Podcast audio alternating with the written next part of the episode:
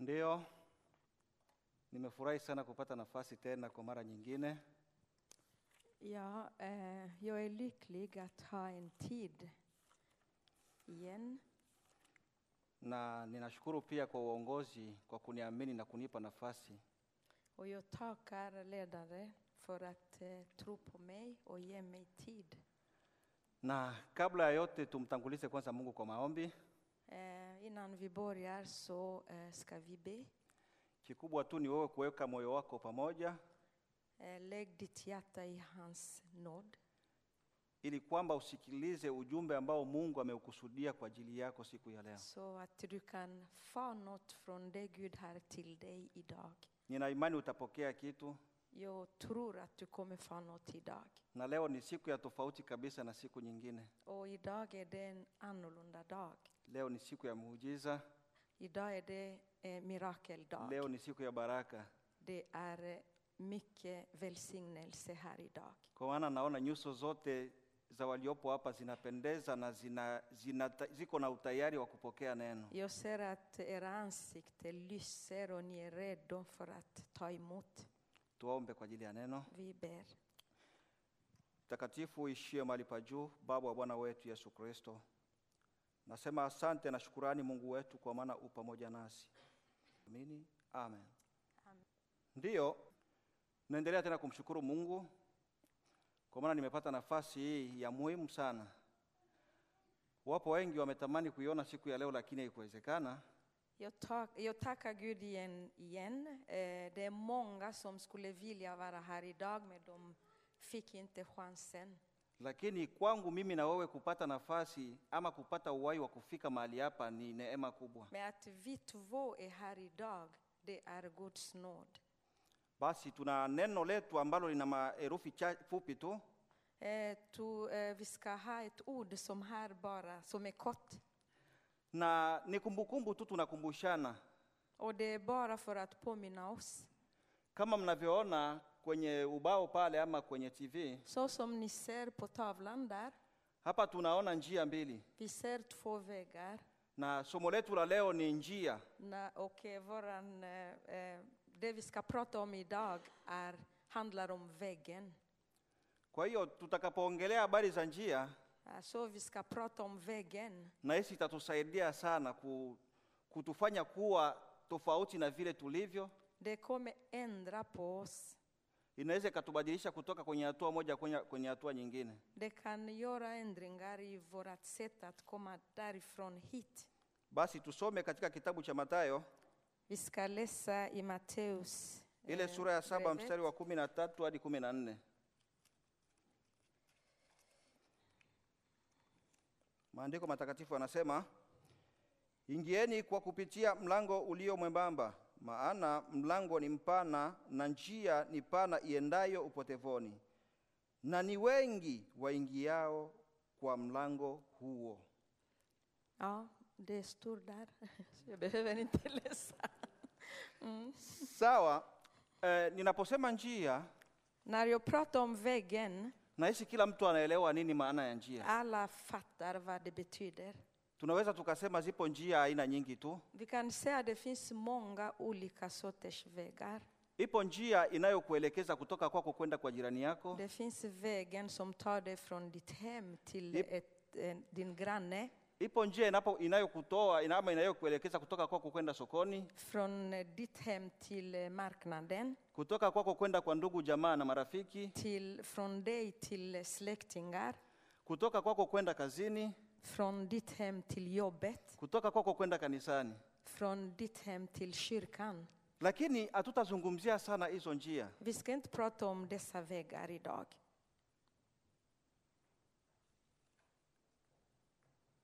Na naweza tu nikakuuliza ama tunaweza tukajiuliza mimi na wewe, Vi kan bara fråga oss, je, unaweza ukazijuaje njia zako vet du om dina vägar?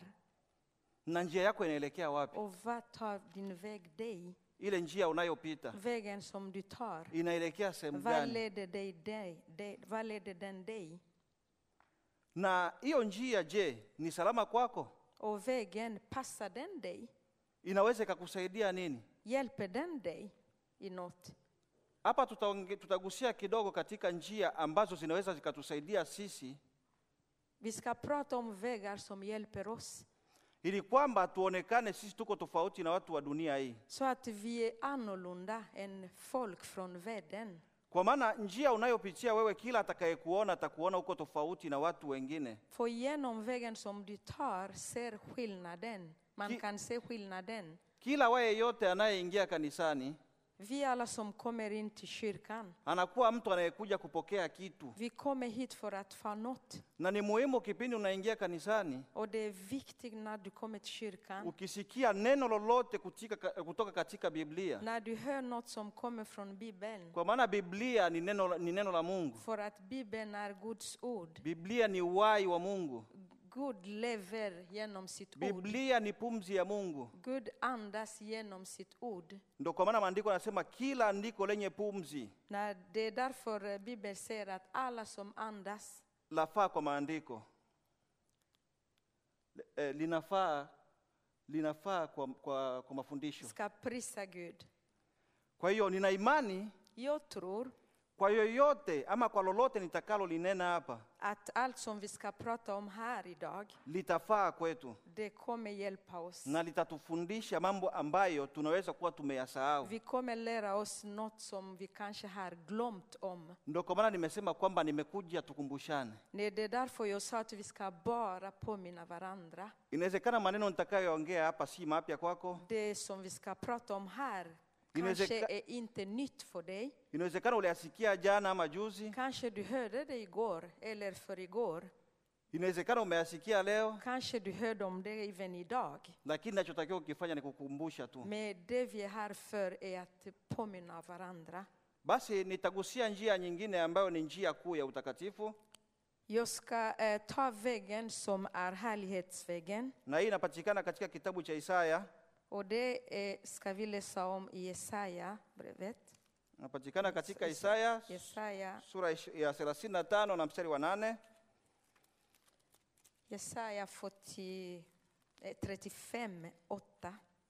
maandiko matakatifu yananena na hapo patakuwa na njia kuu na njia nayo itaitwa njia ya utakatifu wasio safi hawatapita juu yake bali itakuwa kwa ajili ya watu wao wasafirio wajapokuwa wajinga hawatapotea katika njia hiyo Eh, hapa katika njia hii I denna väg, njia hii kuu vägen som är stor, tunasikia neno ya njia ya utakatifu vi hör om, eh, om eh, eh, rättfärdighet. na ninaweza kusema kwamba unapofi- unapotakiwa kufika katika njia ya utakatifu Och när du sa- tar denna vägen, kabla ya yote unatakiwa kwanza utakaswe du måste vara eh, du måste renas i bod- glod- eh, bod- Guds blod, Jesus blod. na mata, utaka, matakaso ama utakaso hauji bila maombi Och du kan inte nå detta utan att be, utan bön. unatakiwa ujitambue Du måste veta och känna dig själv. je mimi njia ninayopitia iko sahihi Är vägen som jag tar rätt för mig? kama iko sahihi unatakiwa uendeleze kuwa na bidii Och om det är rätt så ska du fortsätta. na kama unaona kweli mimi hapa nilipo njia ninazopitia haziko sahihi Och om du ser att vägen som jag tar är inte rätt, då måste du fråga dig endelea kumwomba mungu och be rehema Gud om nåd. Kwa maana yupo hata Daudi alikosa mara nyingi, lakini alishuka mbele za Mungu na kumwomba Mungu rehema. Ja, David misslyckade många gånger, men han kom ner och bad om ny nåd. Hawezi kushindwa kukusamehe Mungu wetu, Gud kan inte låta dig vara. kwa maana Mungu ni Mungu wa upendo, Gud är en kärleksgud ana makusudi na sisi, och han har eh, syfte med våra liv kwa maana alitupenda för att han älskade oss. kabla hatujazaliwa sisi, Även, även innan vi kom till världen. akatujagu- akatuchagua. Han har valt oss. Kwa hiyo tuna kila sababu ya kumuita na kunyenyekea chini mbele zake, ili kwamba tutakaswe. Eh, vi kommer till honom och vi ber till honom för att bli renade av honom. Na tunaweza kusema tena, hii ni njia ya Mungu mwenyewe kutenda kazi Och det är så han gör saker i oss. ama kufanya makusudi yake kwako wewe mwanadamu eller att eh, uppnå sin vilja genom oss, genom våra liv. na ninaweza kusema njia hii ya utakatifu Och denna väg, tunaweza kusema hii njia ya utakatifu inakuja tena kupitia imani ulionayo det handlar också om tron som du har i Gud. kwa maana imani ina uwezo wa kujenga na kubomoa För att eh, tron kan bygga eller förstöra. ndo kwa maana maandiko anasema kwamba hata ukiwa na imani kuliko punje ya haradali Det är därför Bibeln säger att om du har ett litet, litet punkt eh, tro, utakuwa na uwezo wa kusema mlima ng'oka hapa na kwenda sehemu då nyingine kan du flytta på berget.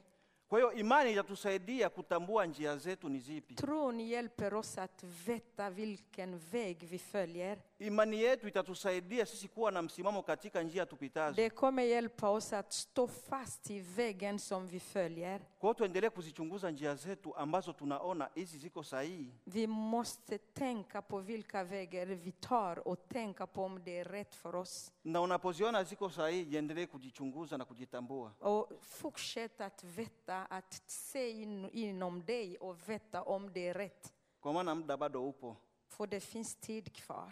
mungu anatupenda Gud älskar oss. um, tuta, tunaweza tukaangalia tena njia, njia nyingine ambayo tunaambiwa kwamba tuitengeneze sisi wenyewe ili kwamba tunaweza tukapitia njia hiyo När att vi ska titta om en, en annan väg som vi själva eh, bannar och kan gå igenom. na hii sitaiongelea sana lakini tutasoma katika matayo ile sura ya 40 Vi ska, e, isaya vi ska läsa i Jesaja 40 sura ya 40 na mstari wa tatu eh, och eh, tredje vers. maandiko anasema e, sikiliza sikilizeni sauti ya mtu aliaye nyikani itengenezeni njia ya bwana nyoosheni jangwani njia kuu kwa mungu wetu hapa maandiko anataka kusema kwamba haya yalikuwa ni maandalizi ya kutengeneza jinsi gani yesu kristo atakuja Eh, Bibeln pratar om detta och det handlar om att eh, förbereda vägen när Jesus skulle komma. ndo kwa maana maandiko yalisema kwamba tuitengeneze njia yetu Det är därför Bibeln säger att vi ska förbereda våran väg. ili kwamba sisi tutafute nafasi katika mioyo yetu För att titta inom oss. Je, una nafasi katika moyo wako kwa ajili ya Yesu Kristo? Har jag plats i mitt hjärta för Jesus Kristus? Na kama haipo unafikiri nini? Och om det inte finns, vad tänker du på? Na nini kifanyike kwa ajili ya hilo? Och vad är det som ska hända på grund av det? Na tunaweza tukajiuliza sisi kama wanadamu, Vi kan fråga oss som människor, je, ni njia ipi iliyo sawa machoni pa Mungu? vad är det för vägen som är rätt i Guds ögon? Kwa maana zipo njia zinazoonekana ni sahihi kwa mwanadamu, För det finns vägar som är, känns rätt för oss, lakini machoni pa Mungu inaonekana sio chochote. men eh, i Guds ögon så är det ingenting. Så Tuangalie är katika fel. Methali Vi ska eh, kolla också i, vi ska läsa i ord eh,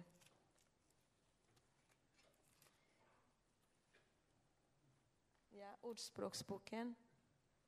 Mithali 14, kumi na nne kumi na nne kumi na mbili maandiko matakatifu anasema iko njia ionekanayo kuwa sawa machoni pa mtu lakini mwisho wake ni njia za mauti hayo ndiyo maandiko sio mimi maandiko yanasema kwamba ipo njia unayoiona wewe ni sahihi kwako Det är Bibeln som säger, det är inte jag, att det finns vägen som du kan tro passar dig eller är rätt, men som, den, som leder dig till döden.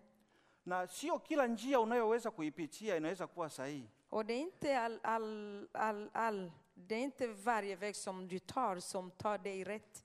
zipo njia zinazoweza kukupoteza Det finns vägar som tar dig fel. zipo njia zinazokupo- zinazoweza kukupoteza mwelekeo ulionao Det finns vägar som kan eh, lura dig och ta dig någon annanstans. na unapopitia njia zisizo sahihi zinakupeleka kwenye Och mauti. när du tar sådana vägar så hamnar du i döden.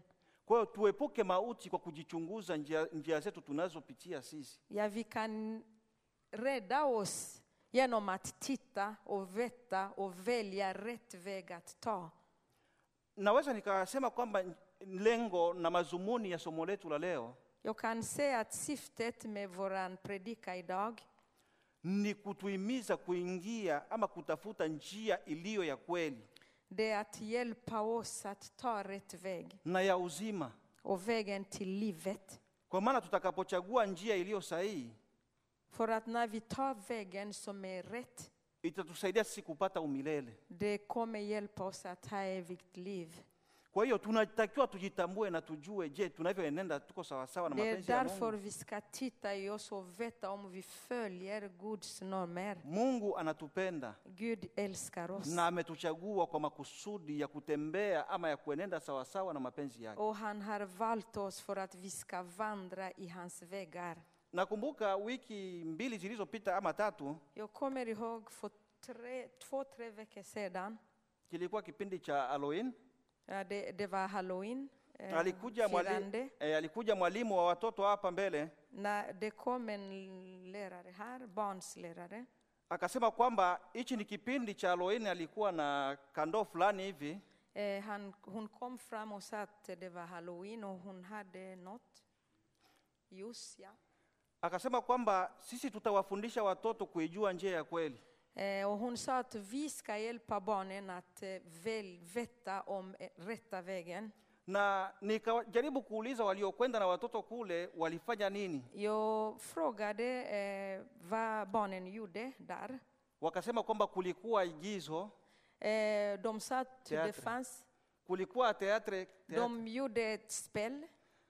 Wakataka kuonesha kwamba utakiwi kufanya hivi wanavyofanya hawa, tuwa, tujue njia ya kweli ni ya kupitia Yesu Kristo. Och det handlade om att säga att du behöver inte imitera det som görs. Du ska välja att göra som Jesus Na säger. tunatakiwa tuwafundishe watoto wetu njia iliyo sahihi, Det är viktigt att lära våra barn om den rätta vägen. kwa maana wapo waliofariki kama mia hamsini sijui Korea kama sijakosea, Eh, Det är några ungdomar som dog i Korea nyligen. watu mia hamsini walikufa kwa ajili ya sherehe ya Halloween. Eh, De dog på grund av eh, halloweensfirande. na hawakujua kama ipo njia iliyo sahihi, De visste inte kanske om den rätta vägen. na matokeo yake wakawa wamekufa kwenye misingi ambayo haiko sahihi. Och där dog de, kanske av en fel anledning. Lakini mimi siwezi nikasema wamekufa kwenye misingi isiyo sahihi, na naweza nikasema wamekufa kwenye misingi isiyo sahihi. Kwa nini? Jag kan säga att det var inte, de dog inte i rätt väg eller i fel väg, men varför? Naweza nikasema ni kwa ajili Mungu mwenyewe ndiye ajuaye kweli ya mwanadamu, Det är Gud som vet. Det är Gud som vet vad som vi har i våra hjärtan. Mungu ndiye anayejua njia sahihi ya mwanadamu. Det är Gud som vet v- rätt väg. eh. Kwa hiyo tunatakiwa tujijue sisi, tuwa- tuwaoneshe watoto wetu njia sahihi ambao wanaweza wakapitia, kwa maana wenyewe ndo ndo kizazi cha kesho. Eh, Vi måste kunna eh, lära våra barn vilken väg de ska ta genom Bibelns ord, för de är framtiden. Sasa tunaweza tukaangalia, je, njia ya kweli ambayo inaweza ikatupa uzima ni ipi? Eh, Och hur vet vi vilken väg som ger oss evigt liv? Tunafikiria nini kama tunaweza tuka- tukapitia njia hiyo? Och vad tänker vi på om vi ska ta denna vägen? Tuangalie hiyo njia katika kitabu cha, Mata, cha Yohana Vi ska eh, läsa i eh, Matteus, Yohana eh, nej men i Johannes. Yohana sura ya kumi na nne mstari wa kwanza hadi wa sita M- mstari wa kwanza hadi wa sita maandiko yanasema msifadhaike mioyoni mwenu mnamwamini mungu niaminini na mimi hapa ni yesu anawaambia wanafunzi wake e, nyumbani mwa baba e, nyumbani mwa baba yangu mna makao mengi kama sivyo ningaliwaambia maana naenda kuwaandalia mahali hapa yesu anawaambia wanafunzi wake kwamba mnapomwamini mungu mniamini na mimi Här säger Jesus till sina lärjungar att när ni tror på mig så måste ni tro på Gud också.